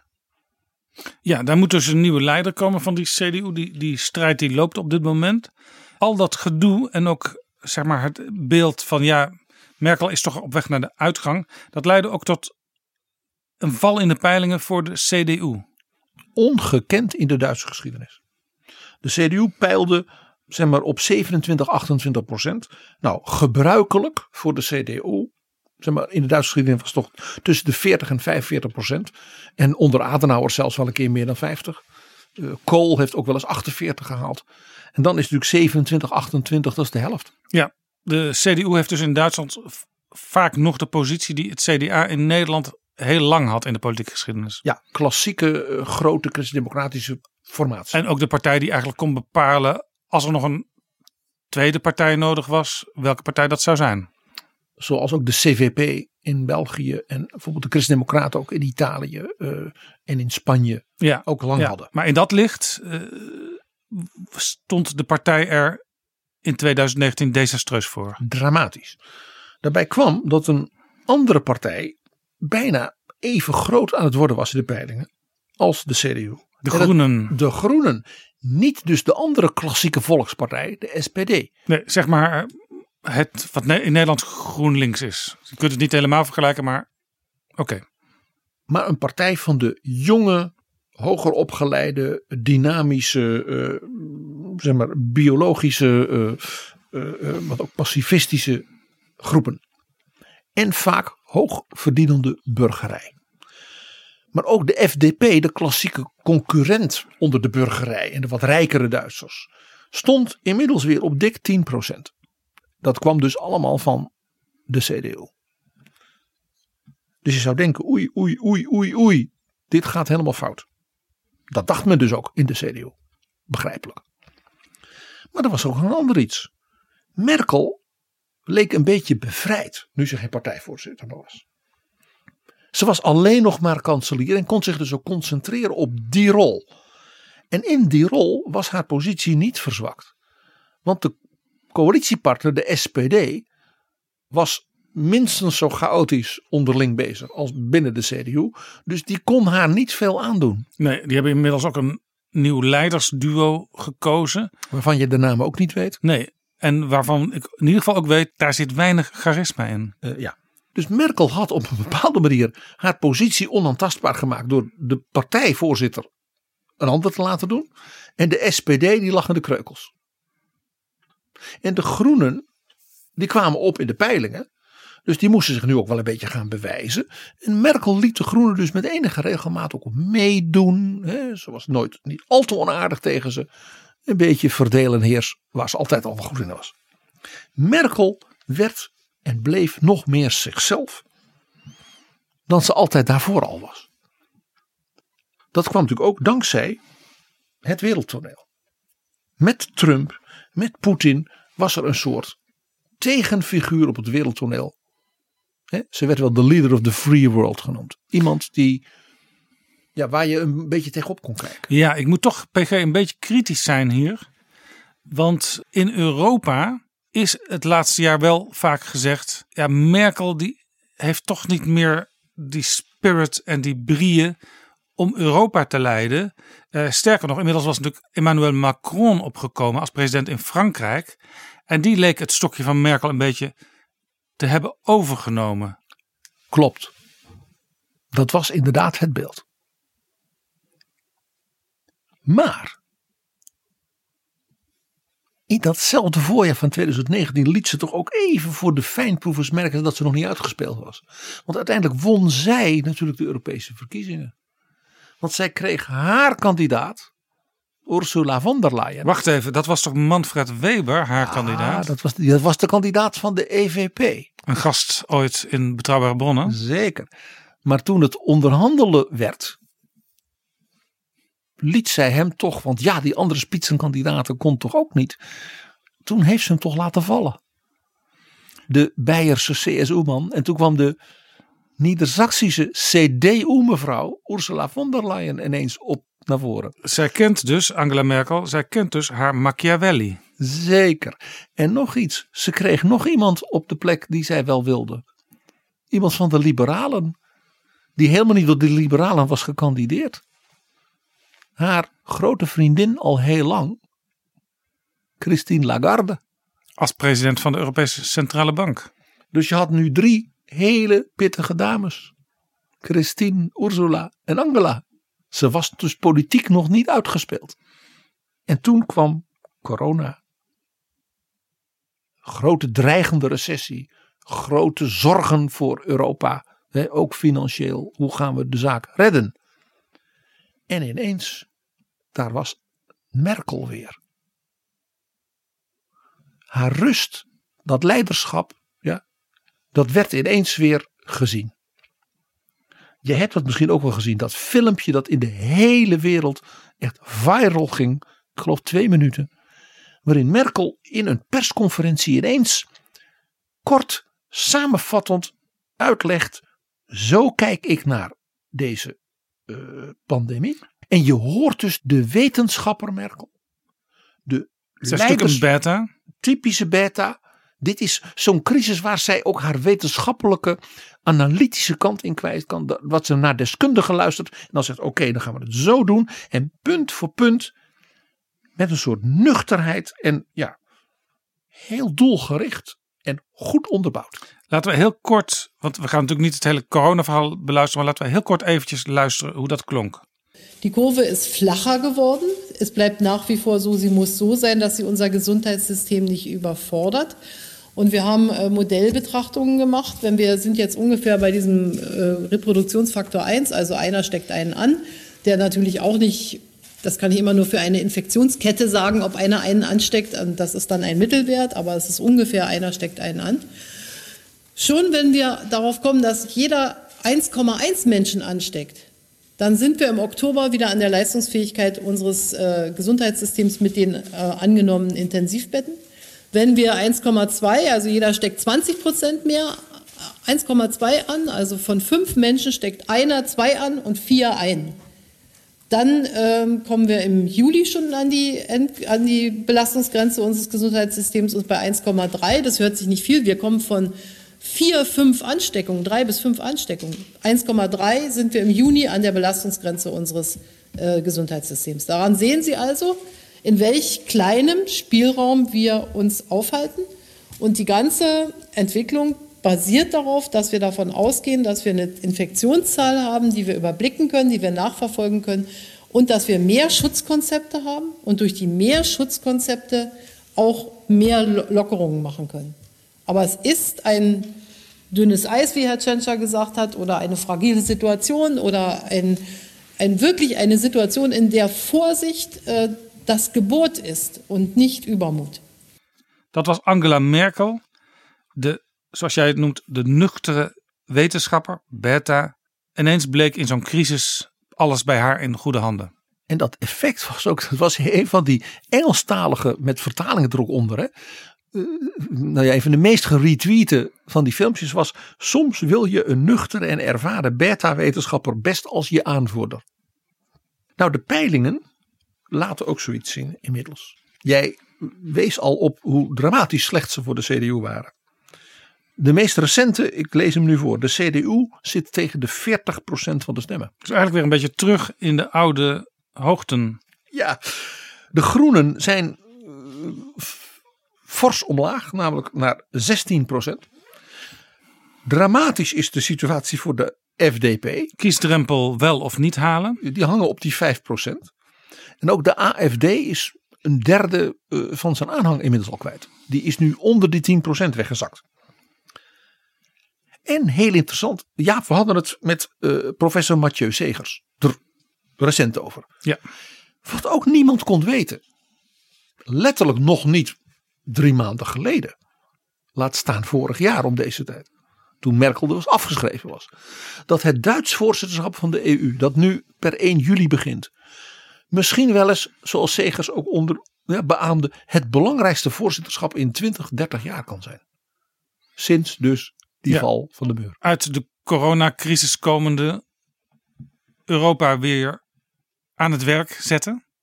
Veel werkloosheid. Financieel de zaak op orde zien te krijgen. En tegelijkertijd ook die hele verduurzaming van ons systeem. En daar staat ineens de ervaren Angela.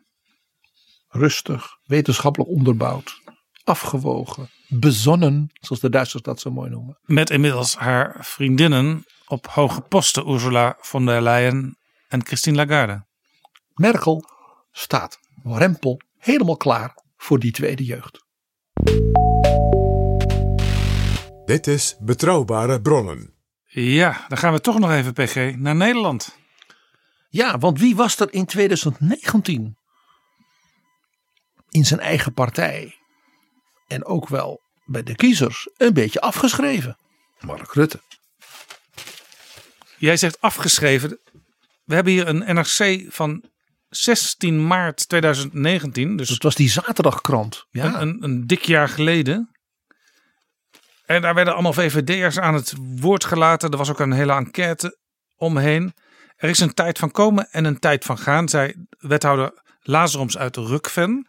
Op een gegeven moment moet je ook beseffen dat een frisse wind gezond is, zegt een raadslid uit Waddingsveen. Nou ja, en zo stonden nog eh, veel meer citaten in van VVD'ers die zeiden: Het wordt tijd dat onze partij eens omkijkt naar een nieuwe leider. de kop van het stuk. VVD'ers zijn het erover eens, dubbele punt. Tijdperk Rutte loopt ten eind.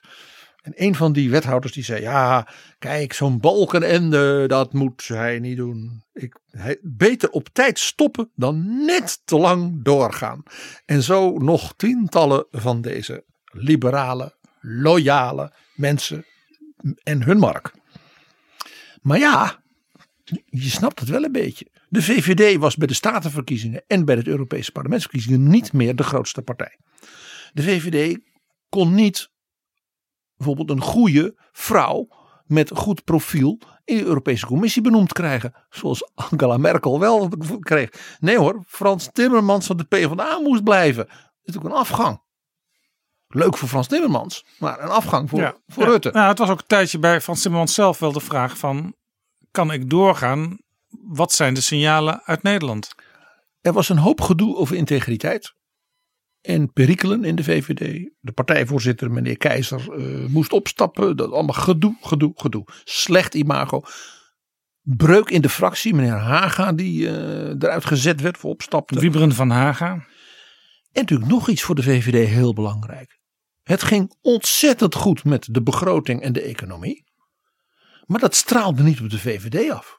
En zeker niet op de minister die erover ging, Erik Wiebes, maar ook niet op Mark Rutte.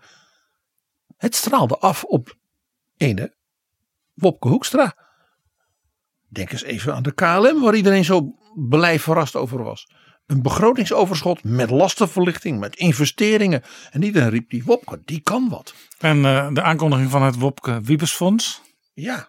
Dus in de VVD was het gevoel, met die Rutte gaat het niks meer worden.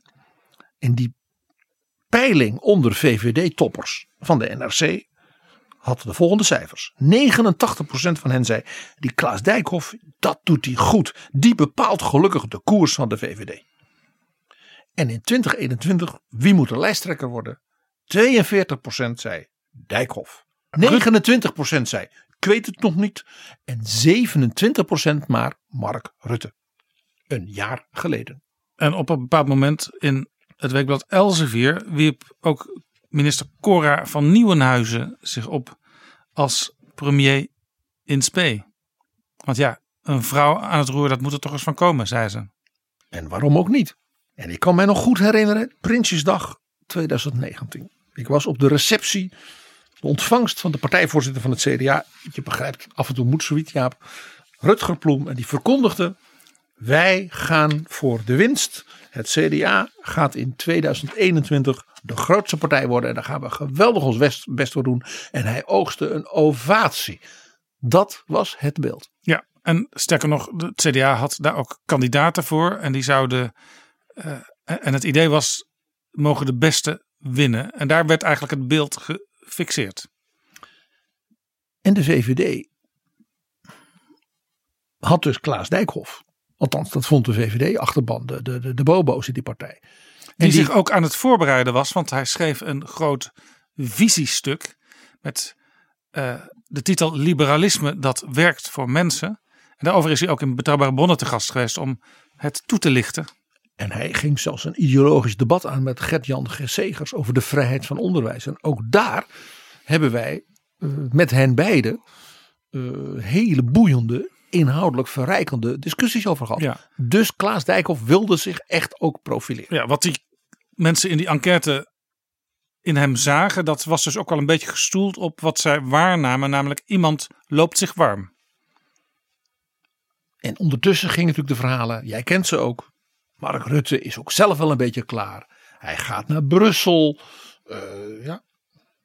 Hij kon 20.000 keer zeggen dat hij dat absoluut niet ging doen, maar het werd niet geloofd door het journaal. En Jaap, jij weet, ik heb het wel vier keer in het eerste jaar dat wij samen betrouwbare bronnen deden gezegd. Dat gaat hij echt niet doen. Leer mij Mark Rutte een beetje kennen. Hij mist zijn eethuisjes, Soeboer en al die andere dingen. Hij heeft het veel te veel naar zijn zin. En iedereen zei ja, dat zeg jij nou wel, PG. En hij ging niet naar Brussel.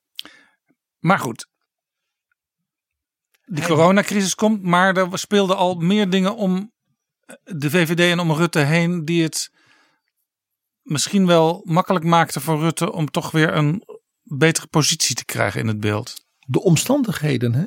Ja.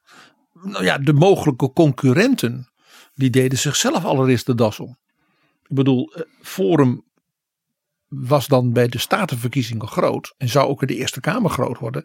Nou, jij weet, in de Eerste Kamer zijn ze uit elkaar gevallen. Ja, en zijn ze inmiddels niet meer de grootste partij. Ehm, en Henk Otten heeft mensen in het Europees Parlement meegenomen. Heeft, eh, er zijn allemaal mensen in, de, in die statenfracties in het hele land. Dus vorige week nog weer iemand in Overijssel die wegloopt. Uh, dat is niet de manier om serieus te genomen te worden als partij en als leiderschap. Klaas Dijkhoff, bij alle waardering voor zijn leuke discussies. ja, nee dus. Ja, en de VVD is Met buiten... wachtgeld. Ja, en de VVD is buiten Rutte om toch tamelijk onzichtbaar. Want de ministers, daar horen we weinig van. Sterker nog, uh, Tom-Jan Meus had onlangs een verhaal in NRC waarin hij beschreef dat Rutte zich uh, wel wat gelegen laat liggen aan ministers van het CDA en D66, maar niet aan de ministers van zijn eigen partij. Nou ja, men zegt nu gewoon heel openlijk, begrijpelijk, dat er een soort corona-kerncrisiskabinet is. Waar als het ware ja, de echte moeilijke dingen bij elkaar wordt gebracht. En de samenstelling van het kabinet uh, is heel Nederlands, want masculien.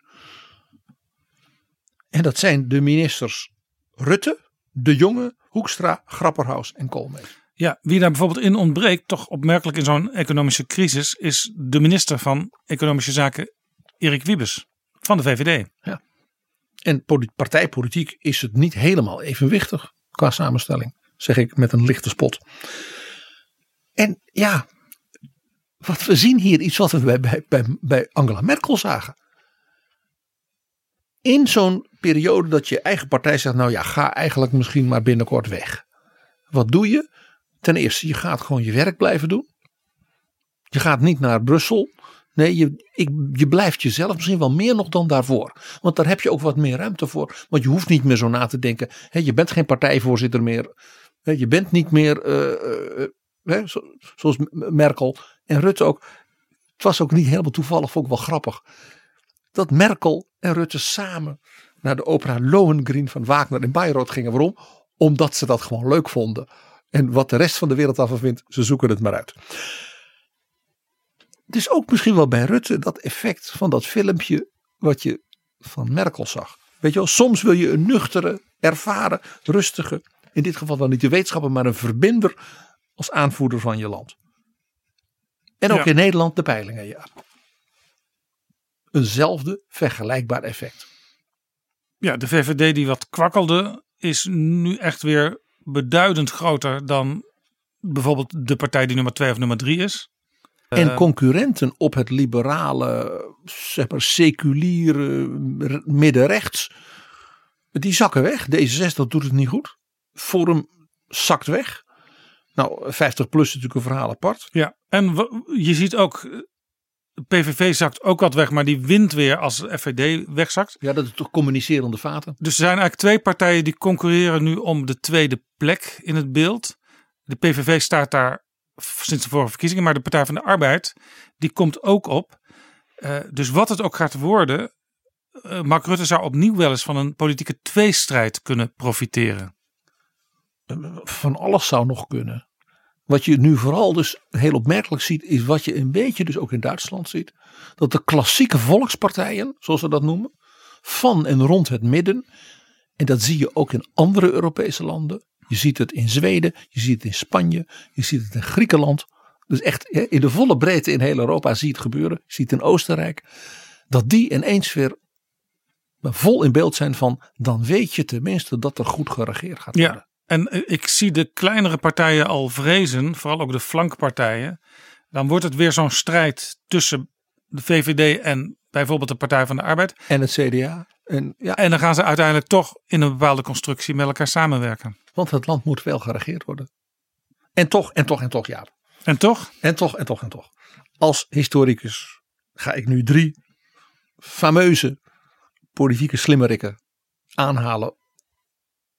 Om die politieke leiders die denken ik ben nu weer boven Jan, hè, zoals Mark Rutte, en onze luisteraars te waarschuwen. Ten eerste, Harold Wilson, de Labour premier van Engeland. Van hem is natuurlijk de beroemde uitspraak, a week is a long time in politics. Ja, die uitspraak kent echt iedereen. Dat hoor je heel vaak ook in Nederland. En je kunt het niet genoeg herhalen. Het kan maar zomaar ineens weer. En als corona nou iets bewees, dan dat. En dat is weer die andere uitspraak. Events, dear boy. Events. De Tory premier Harold Macmillan. De legendarische politicus. You never had it so good. En dat is meteen ook de disclaimer bij deze aflevering van Betrouwbare Bronnen. Hem werd ooit gevraagd door een jong medewerker. Hij was door een oude baas. Maar, maar, maar wat, wat, wat is nou als je premier bent het ding waar je je hij dacht natuurlijk strategisch je zorg over maakt. De atoombom, Europa, grote vraagstukken. En toen zei hij met die prachtige, wat heese aristocratische Events, dear boy, events. Daar slaap je niet van. Ja, bij wijze van spreken zelfs het hele kleine berichtje in de rechterkolom in de krant kan de voorbode zijn van een grote politieke ramp. Altijd opletten. Gebeurtenissen. Dingen waar je niet weet dat dat je overkomt. En Bismarck. Ja, Jaap, geschiedenis en zeker ook Duitse geschiedenis. Eindigen we toch weer in Duitsland? En bij een groot man. Beroemd ook om vele one-liners. En één daarvan is. Toen zeiden ze van. U had altijd zo'n strategie. En ineens sloeg u dan toe. Dat was Bismarck fameus om. Het zei hij. Ze Bismarck ooit. Als de geschiedenis ineens voorbij komt, moet je desnoods de zoom van haar mantel pakken en niet loslaten. En dat herken je natuurlijk ook bij Helmut Kool toen in zomer, najaar 1989.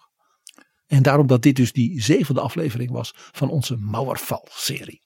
Je moet de tijdgeest verstaan. Dat is nog weer een andere formulering. Dankjewel, PG. En laten we tot slot nog even luisteren naar de minister-president zelf. De vraag komt van Laurens Boven van BNR Nieuwsradio.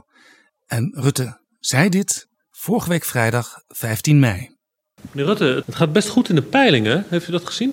Uh, ik heb het in een, even terzijde gezien, ja. De VVD staat 43 zetels nu. Volgens mij heeft de VVD-leider nog nooit zo hoog in de peilingen gestaan. Luister, ja, ik heb het gezien, maar ik ga er echt, jongens, dit zegt echt helemaal niets. Uh, Ad Melkert had, uh, wat is het, in februari 2002 45 zetels. En kijk nog eens naar de verkiezingsuitslag. Dit zegt helemaal niks. Ja, het zegt helemaal niks. Want, waarom niet eigenlijk? Nou, het voorbeeld Ad Melkert, februari 2002. En Dijkstel, de vraag was wie van de twee wordt premier van Paars 3. En vervolgens eindigden ze allebei net boven de 20. Dus uh, peilingen zeggen mij niks zover voor de verkiezingen. En die zijn volgens nog pas in maart volgend jaar. Nou, ja. dat is een eeuwigheid ver weg.